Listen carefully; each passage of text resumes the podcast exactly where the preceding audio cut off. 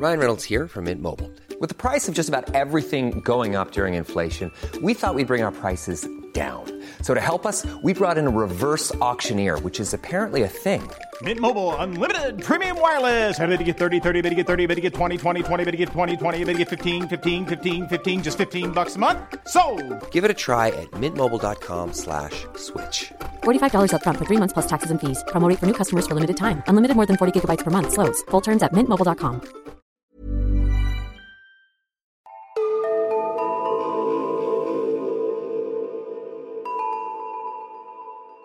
Hej och välkomna till Nära ögat, en true crime-podd för mesar. Mitt namn är Alexandra Kensdottir Och jag heter Amelia Ingman. och vi vill börja med att tacka alla som har lyssnat på första avsnittet. Alltså vilken fin respons vi har fått.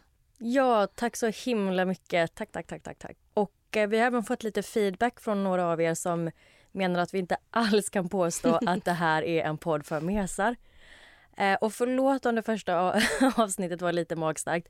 Men vi vill bara påminna om att även om vi kanske kommer prata om väldigt hemska händelser så kommer huvudpersonen i våra historier att överleva. Så försök att komma ihåg att det blir ett lyckligt slut. Ja, och ni ska också komma ihåg att eh, gilla, dela och framförallt prenumerera så att ni inte missar något avsnitt. Ja, och ni får också hemskt gärna betygsätta oss. Så ge oss fem stjärnor.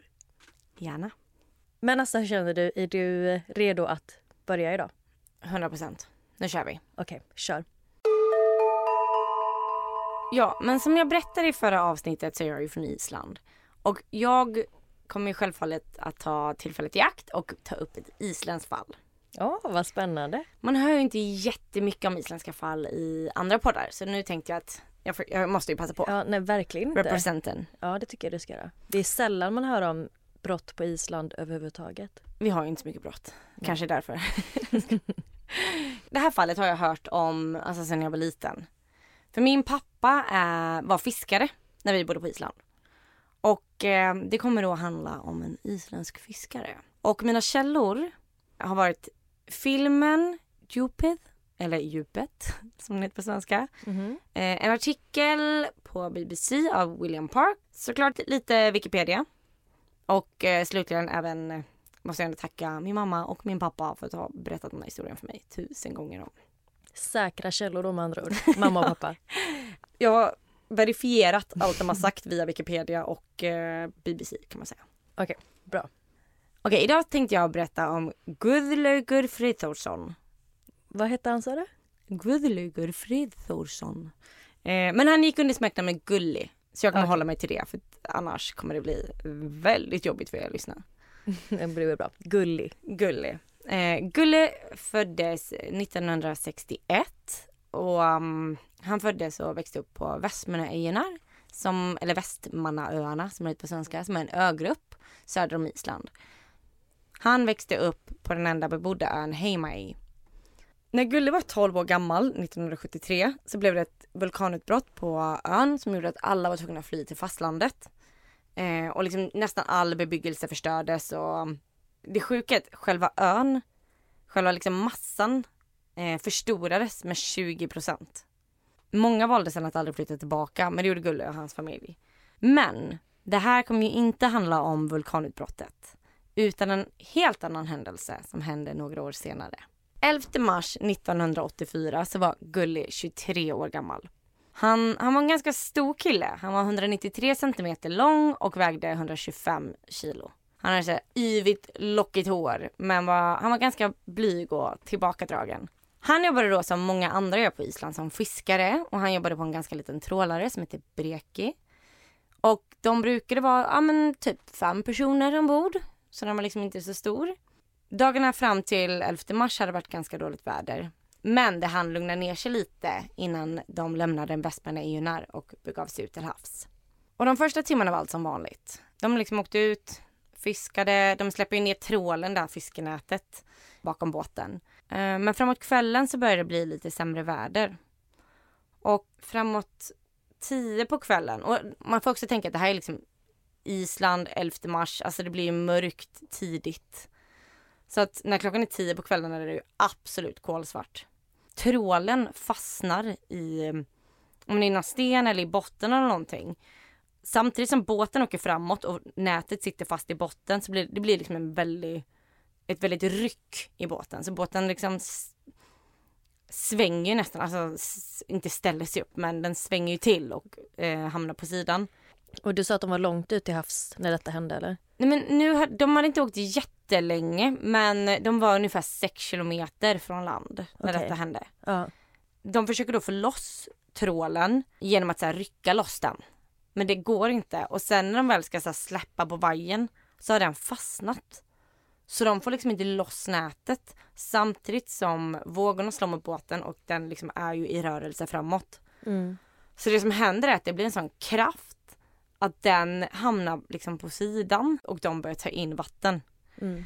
Klockan var ungefär tio på kvällen när båten kapsejsade.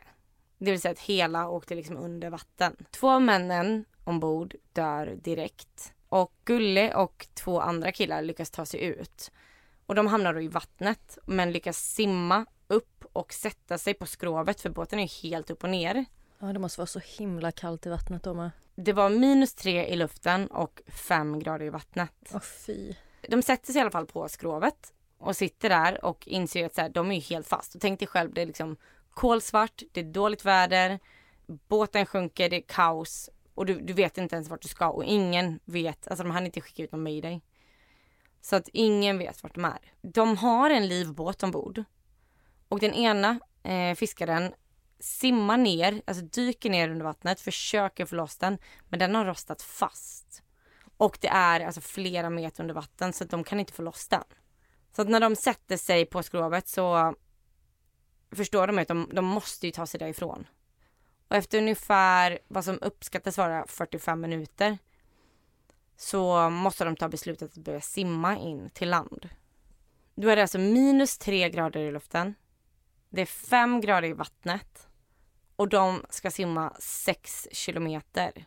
Men i alla fall, Gulli och de två andra överlevande killarna de hoppar i det mörka vattnet och börjar simma mot det håll som de tror är land. Och inom 10 minuter så har de andra två killarna slutat svara. Så att de liksom försvinner ut i mörkret.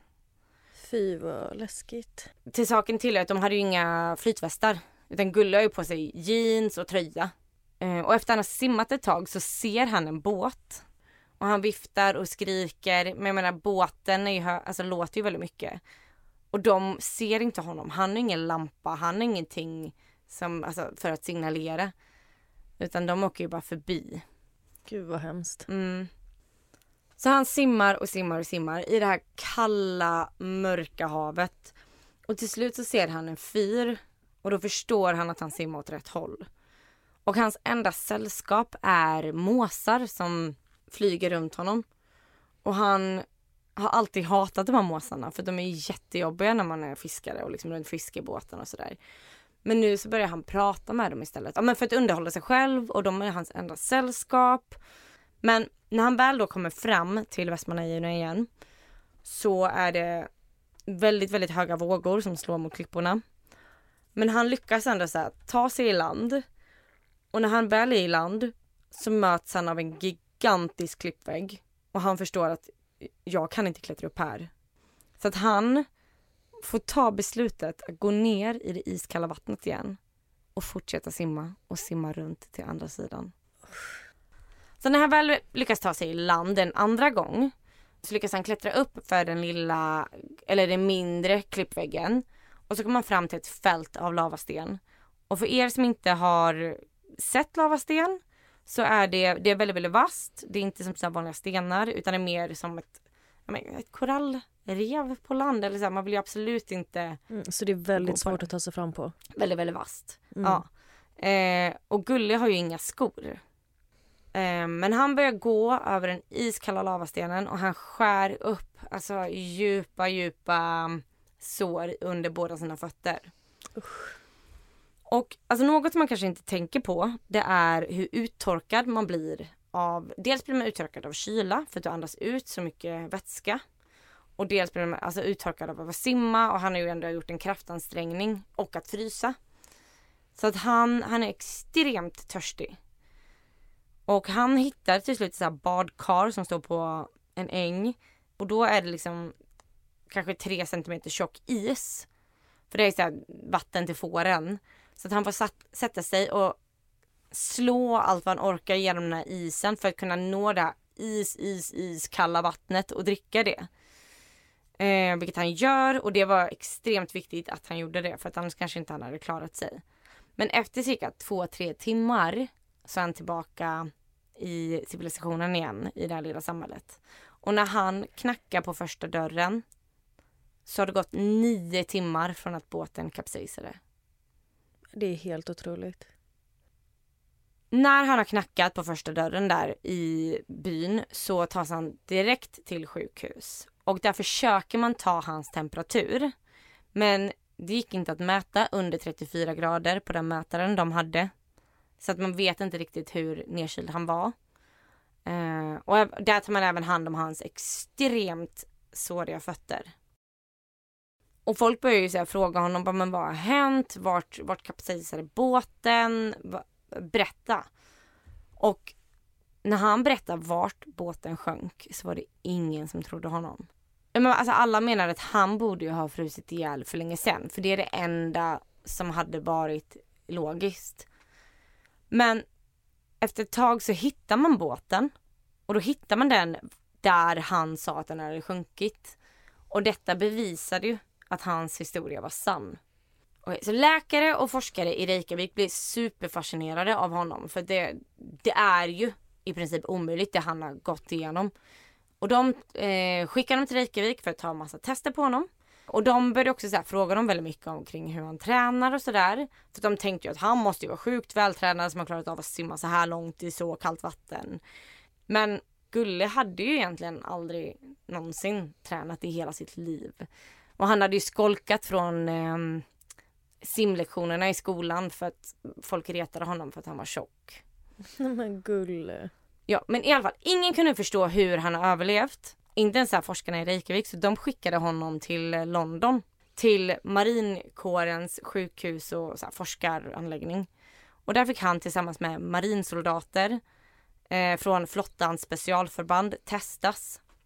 Så de fick sätta sig i en liten pool med femgradigt vatten och så skulle de så här sitta och trampa vet, med benen. Men hallå, utsätter de honom för femgradigt vatten igen? Han har väl varit med om tillräckligt? Förmodligen extremt traumatiskt för honom. Men de ville verkligen så här, och det här är också 80-talet, de vill så här, testa och se hur kan han ha klarat sig? Vad är det liksom som gör att han klarar sig och inte andra? Tänk dig själv, de här marinsoldaterna, supervältränade, har liksom tränat hela sitt liv för det här sitter tillsammans med vanliga killen Gully i en pool och börjar trampa. Och en efter en så går marinsoldaterna upp. För mm. de, de håller på att förfrysa liksom. Men Gully sitter kvar. Och det läkare sen kom fram till det är att hans fettvävnad var lite annorlunda jämfört med vanliga. Och hans enzymer brände mer energi och att fettlagren var alltså isolerade kroppsvärmen bättre än det gör hos andra människor. Så att det de kallade det, det var att han hade liksom sälfett. Jag tänkte precis fråga, hade han liksom späck? Ja men alltså typ, och detta är också så här, detta är ju forskning på 80-talet. Idag så kanske de hade eh, använt andra termer och liksom kunnat göra bättre tester. Men även om hans så här, fettvävnader klarade kyla bättre än andra så var det ändå helt sjukt att han hade klarat sig. En vanlig människa hade klarat ungefär 10 till 20 minuter i så pass kallt vatten. Och hur länge sa du att han låg i vattnet? Sex timmar. Wow. Mm. Många som fryser ihjäl börjar ju liksom klä av sig kläder för att de tror att de är varma. Det är liksom den här sinnesförvirringen och det är ungefär en fjärdedel av alla som fryser ihjäl får den. Det som var så sjukt också det var att han behöll medvetandet och tog kloka beslut hela tiden. Exempelvis när han kom till, eh, när han kom i land första gången. Han, när han såg att klippväggen var så pass eh, brant att han skulle inte klara att klättra upp. Så valde han ändå det kloka beslutet att gå ner i vattnet igen. De flesta människor hade nog inte gjort det även om man De flesta människor hade inte klarat sex timmar i iskallt vatten men de människor som hade gjort det hade absolut inte gått ner i vattnet igen. Men han gjorde liksom rätt beslut genom hela, hela sin resa. Och allt detta ledde till att han blev någon slags nationalhjälte på Island. Alla visste om Gulle som hade överlevt mot alla odds. Eh, men han valde också att inte bli någon kändis och han ville inte heller vara någon försökskanin heller för den delen. Utan han valde att åka tillbaka till Västmannaöarna och fortsätta livet som förut. Och han började även jobba som fiskare igen. Och det var historien om Guðlaugur Friðþórsson. Vilken överlevare. Ja, och Amelia, alltså nu är jag så nyfiken på ditt fall. Okej, okay. håll i dig. Hej, det är Ryan Reynolds och jag är här med Keith, co-star of my upcoming film If, only in theaters May 17th. Do you want to tell people the big news? All right, I'll do it. Sign up now and you'll get unlimited for $15 a month in six months of Paramount Plus Essential Plan on us. Mintmobile.com slash switch. Upfront payment of $45 equivalent to $15 per month. Unlimited over 40 gigabytes per month. Face lower speeds. Videos at 480p. Active Mint customers by 531.24 get six months of Paramount Plus Essential Plan. Auto renews after six months. Offer ends May 31st, 2024. Separate Paramount Plus registration required. Terms and conditions apply if rated PG.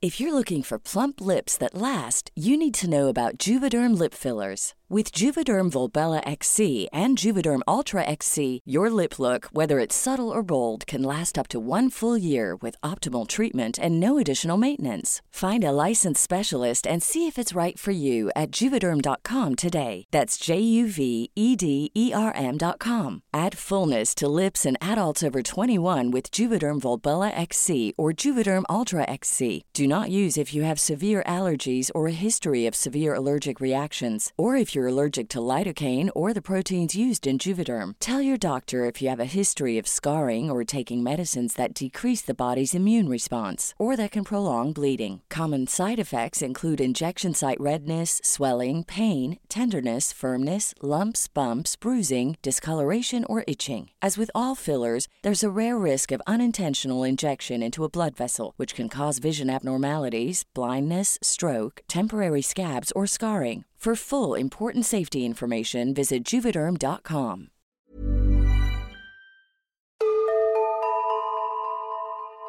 Okej, okay, så innan jag går in på min historia så kommer jag bara snabbt dra vilka källor som jag har använt mig av. Och det är en artikel på BBC. Jag har kollat nyhetsklipp från INCA och CBS. Året är 1997 och vi befinner oss i Kapstaden i Sydafrika.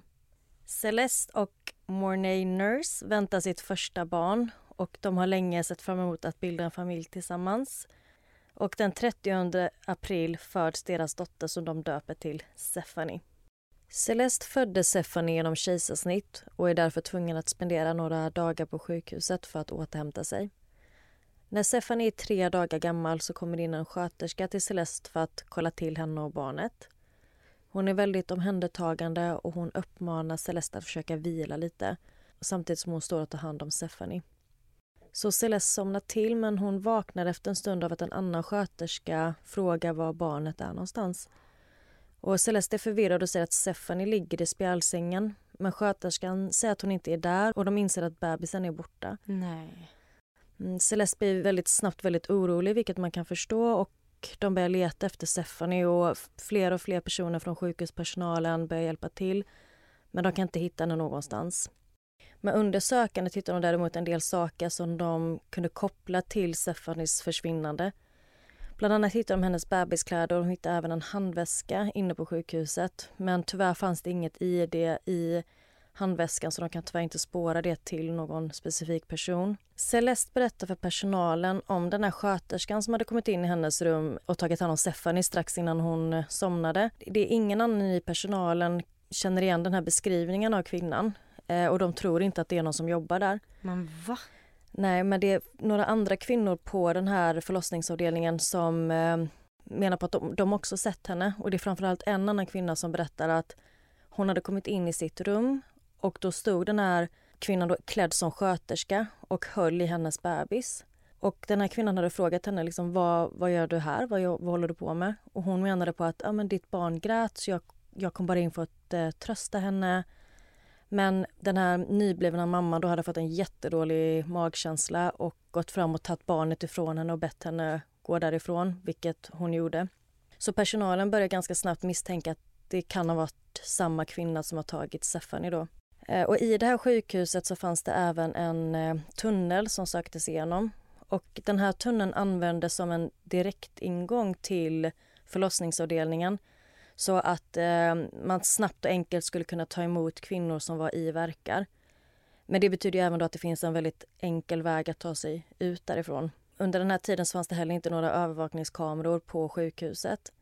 I tunneln hittades en kudde och man misstänker att den här kvinnan kan ha använt den för att se gravid ut och därmed enkelt kunna smita in. Men man har fortfarande ingen aning om varför den här kvinnan skulle vilja ta barnet. Man funderar på om det skulle kunna vara personligt. Är det en familjemedlem? Eller är det någon som känner familjen? Eller är det en kvinna som är helt desperat efter ett barn? Eller handlar det om människohandel? Det är bara spekulationer. Men gud, ändå så här hemska spekulationer. Att, ja, alltså, verkligen. Något av de alternativen är ju... Ja, alla alternativ är ju fruktansvärda. Eh, två dagar går och de hittar inga spår efter varken den här kvinnan eller Stephanie. Och fem dagar efter Stephanies försvinnande så lämnar Celeste och Mornay Nurse sjukhuset utan deras barn. Men gud, alltså Mm. tänk. Mm. Alltså vilken skräck. Nej, verkligen alltså. Och de är ju helt förkrossade. Och Celeste och Mornay börjar ställa upp i flera intervjuer där det liksom bönar och, och ber om att få sin dotter tillbaka och de uppmanar allmänheten att lämna anonyma tips och det enda de vill är att ta reda på var hon finns någonstans. Och eh, Celeste berättar att hon tror att den här oidentifierade kvinnan från sjukhuset hade som mål att stjäla ett barn och att det inte spelar någon roll vilket barn det var hon tog. Hon har bara gått mellan de här rummen tills möjligheten uppenbarat sig och hon tror inte att detta är en attack riktad mot hennes familj eller mot Stephanie. Eh, men polisen får in en hel del olika tips från allmänheten och eh, bland annat är det en kvinna som kontaktade polisen och berättade att hennes granne har helt plötsligt kommit hem med en bebis. Och hon har aldrig sett att den här grannen har varit gravid och hon liksom uppmanar dem att komma och, och utreda detta. Eh, vilket polisen gör, men det visar sig att den här kvinnan hade en son så att det var bara att grannen hade missat att hon faktiskt hade varit gravid så att det tipset ledde ingenstans. Åren går och Celeste och Mornay skaffar tre barn till men det ger aldrig upp hoppet eller tanken på att Stephanie en dag ska komma hem igen. Och varje år så firar de hennes födelsedag tillsammans även efter Celeste och Mornay väljer att separera så fortsätter de fira ihop varje år. Vad fint. Ja, och föräldrarna är helt övertygade om att hon fortfarande är vid liv och att hon växer upp i en annan familj. Det enda de hoppas på är att hon har det bra någonstans. Mm. Eh, och sen så kommer vi hoppa lite längre fram i tiden till 2015. Och då är det dags för deras andra dotter Cassidy som är 14 år att börja på Swansea High School i Kapstaden. Cassidy får snabbt nya vänner och Eh, hon lärde känna en några år äldre tjej som hette Michelle Salomon. De klickar direkt och känner ett omedelbart band till varandra och trots åldersskillnaden på tre år så börjar de umgås väldigt mycket och blir snabbt oskiljaktiga. Cassidy börjar kalla Michelle för Big Sis och Michelle kallar Cassidy för Baby Girl och eh, Michelle brukar ge Cassidy makeovers på skoltoaletten. Hon fixar hennes hår, hon sminkar henne och båda två tycker att det känns som att de har känt varandra mycket, mycket längre än vad de faktiskt har. De här tjejerna är också väldigt lika varandra till utseendet och folk brukar ofta fråga om de är systrar. Men de brukar bara, båda skoja bort det och säga att ja, men det har säkert varit systrar i ett tidigare liv men ingenting som de lägger någon större vikt vid. Eh, men en dag så tog Michelle och Cassidy en selfie tillsammans och när Michelle visade den här för sina vänner så var det en tjej som frågade henne om hon var adopterad. Men Michelle menar bara att eh, sluta nu, du är galen och tänkte inte mer på det.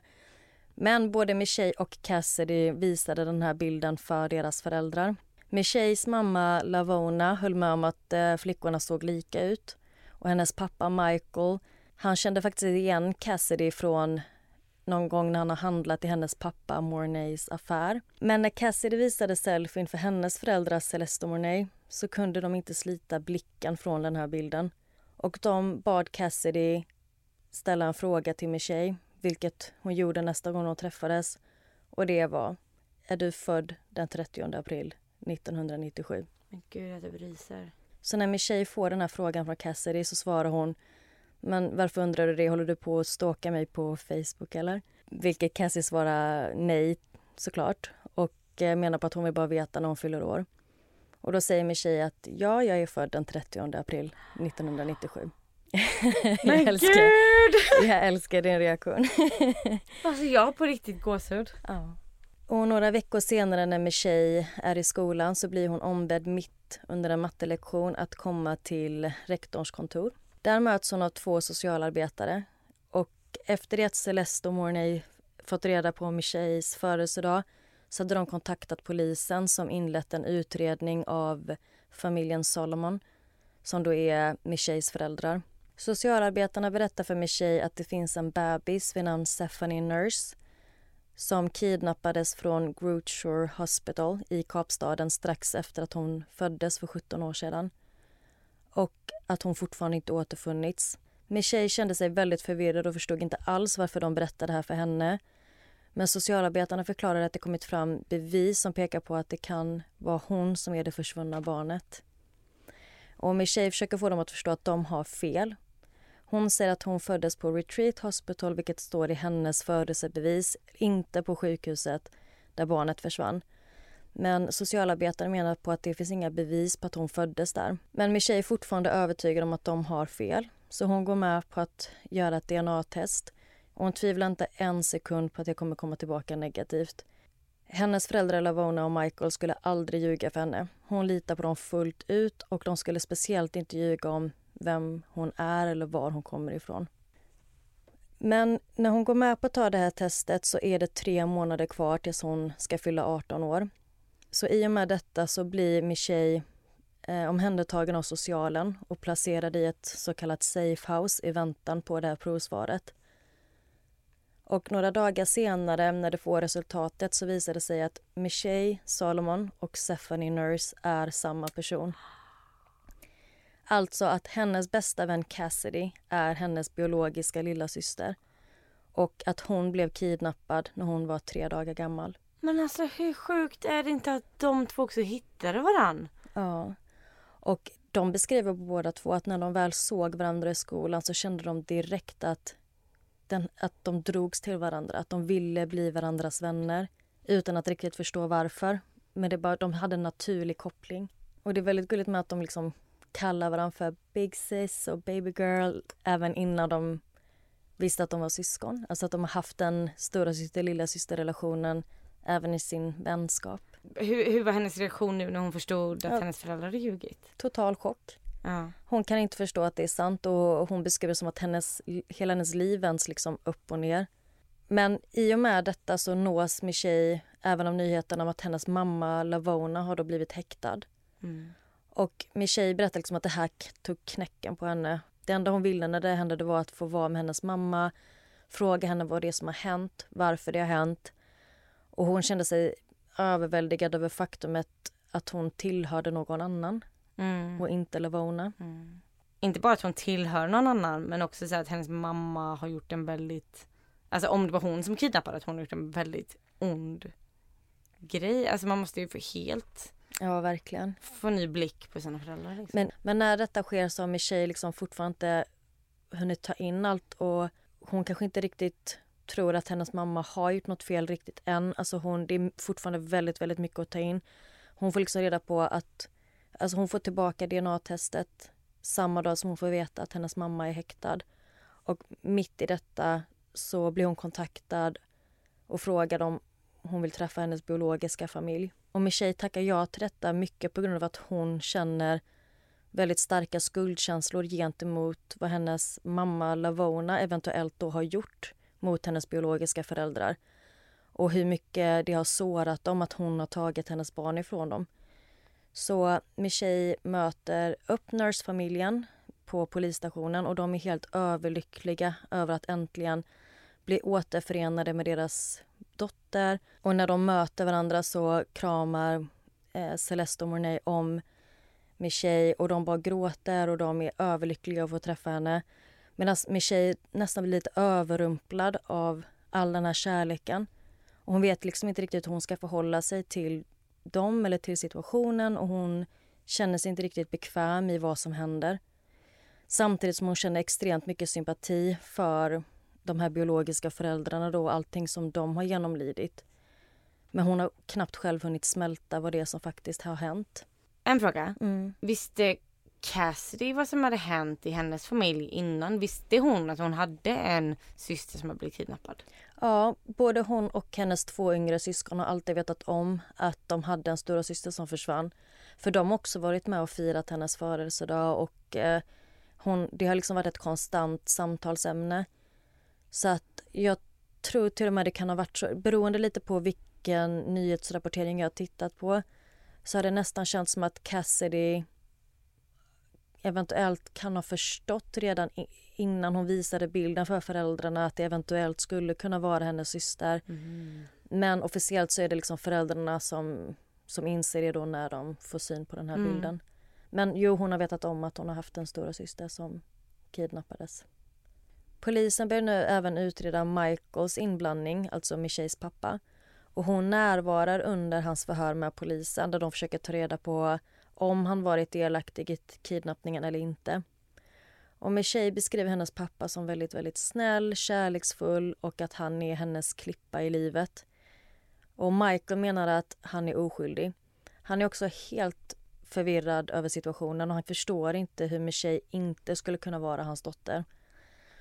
Och polisen kan inte hitta några bevis som tyder på att Michael hade någon vetskap om att Michelle blivit kidnappad. Eh, och han släpps ganska kort därefter.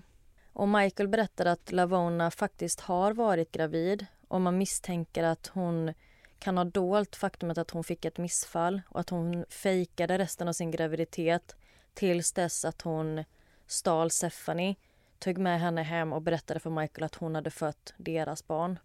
Men trots allt detta så menar Michelle att hon har haft en jättefin och bra barndom. Hennes mamma brukade kalla henne för prinsessa och de brukade ofta gå på bio ihop, de shoppade tillsammans och hon säger även att hennes mamma alltid fanns där för henne.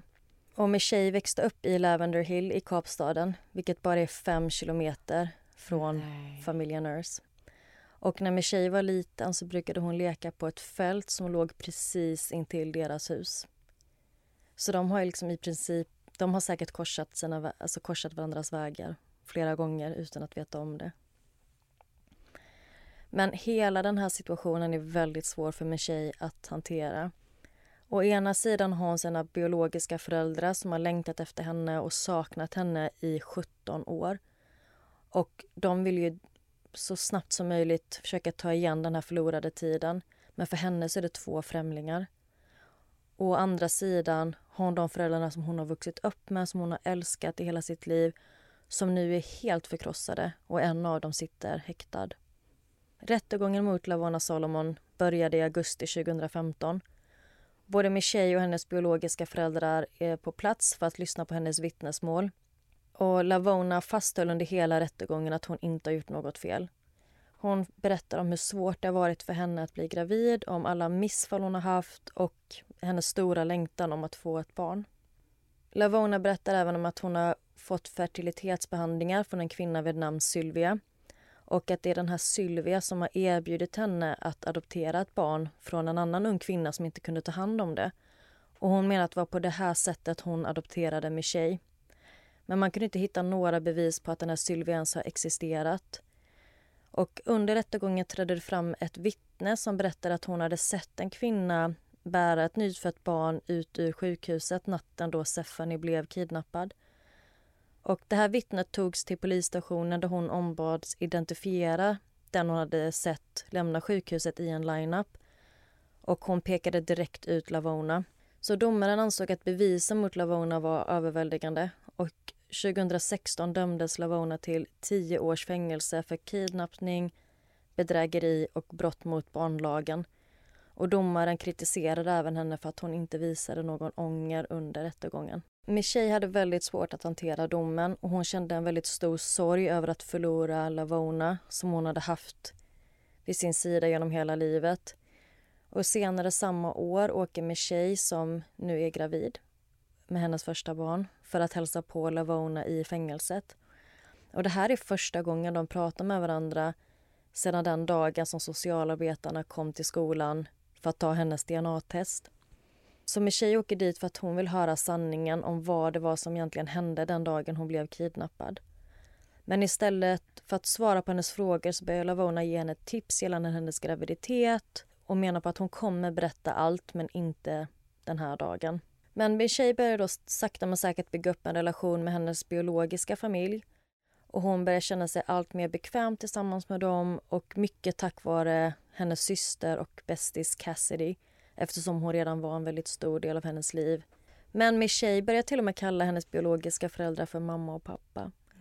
Vilket de har längtat väldigt länge efter att få höra. Så Celeste och Mornay säger att det känns som att en dröm har gått i uppfyllelse och de måste påminna sig själva hela tiden om att det här faktiskt är sant. Och Michelle blir liksom nästan som en symbol för hopp för andra familjer som själva har varit med om liknande situationer där deras barn har försvunnit. Men i och med att Celeste och Mornay nu var skilda och familjen inte längre bodde ihop så valde faktiskt Michelle att flytta tillbaka in med hennes pappa Michael. Pappan som hon växte upp med och bo i hennes hem där hon känner sig trygg. Men fortfarande då bygga en relation med hennes biologiska familj. Och hon går fortfarande under tilltalsnamnet Michelle. För hon menar på att det här representerar allt hon gått igenom och den personen hon var innan hon fick veta att hennes liv var en lögn. Men hon har även valt att lägga till Stephanie eftersom hon idag vet sanningen och det namnet har tvingat henne att bli en stark person. Så hon vill liksom visa respekt till båda kvinnorna som har gett henne de här namnen. Så numera kallas hon för Michelle Stephanie. Och idag tror Michelle Stephanie att Lavona är skyldig till kidnappningen men trots detta känner hon ingen bitterhet mot kvinnan som hon kallade för mamma. Och hon menar att man måste kunna förlåta för att hjärtat ska kunna läka. Och hon önskar bara att hon en dag kommer få veta sanningen bakom hennes egen historia. Gud vad fint. Alltså jag på riktigt ryser. det känns som det sjukaste Sunset Beach avsnittet någonsin det känns inte som att man lämnar den här historien med, med någon form av hat. För även den biologiska mamman Celeste Nurse säger i en intervju att hon är också villig att förlåta och hon skulle vilja träffa Lavona för att ge henne en kram och för att tacka henne att hon har tagit hand om hennes dotter och tacka Fint. henne för att hon har gjort hennes dotter till en så fin människa från insidan och ut. Så att det känns som att alla är villiga att börja om på nytt och bygga en ny grund att stå på. Men verkligen ett fint avslut på det här avsnittet. Ja. Så fin historia. Jo, och en sak till bara. Att 2019 så släpptes en bok om Stephanies historia om det är någon som är intresserad att läsa mer. Och den heter Stephanie, Two Mothers, One Daughter. An astonishing true story. Och den boken är dedikerad till både Lavona och Celeste. Så fint. Och vi kommer som vanligt att lägga upp lite bilder på vår Instagram från våra båda fall. Och titta gärna på djupet, eller djupet, filmen om första fallet och läs den här fantastiska boken. Det vill jag så gärna göra. Ja, och jo, och en, förlåt, jag ja. glömde ett tips till. Netflix har släppt en serie som är löst baserad på den här historien. Va? Ja, och det här är lite lustigt för att jag har faktiskt sett den här serien utan att förstå att den var baserad på en sann händelse. Och sen snubblade jag över detta fallet eh, och kunde då pussla ihop ett och ett. Men den här serien heter Blood and Water. Så om ni tycker detta låter intressant så kolla in den. Tusen tack för tipset Amelia och vi hoppas att ni kommer att lyssna igen nästa vecka. Ja. Och då kommer vi ta upp två till spännande fall.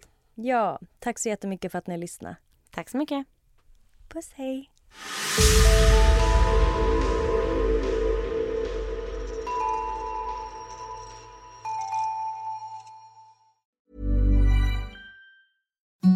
Imagine the softest sheets you've ever felt. Now imagine them getting even softer over time. That's what you'll feel with Bowl and Branch's organic cotton sheets. In a recent customer survey, 96% replied that Bowl and Branch sheets get softer with every wash. Start getting your best night's sleep in these sheets that get softer and softer for years to come. Try their sheets with a 30-night guarantee. Plus, get 15% off your first order at bowlandbranch.com. Code Exclusions apply. See site for details.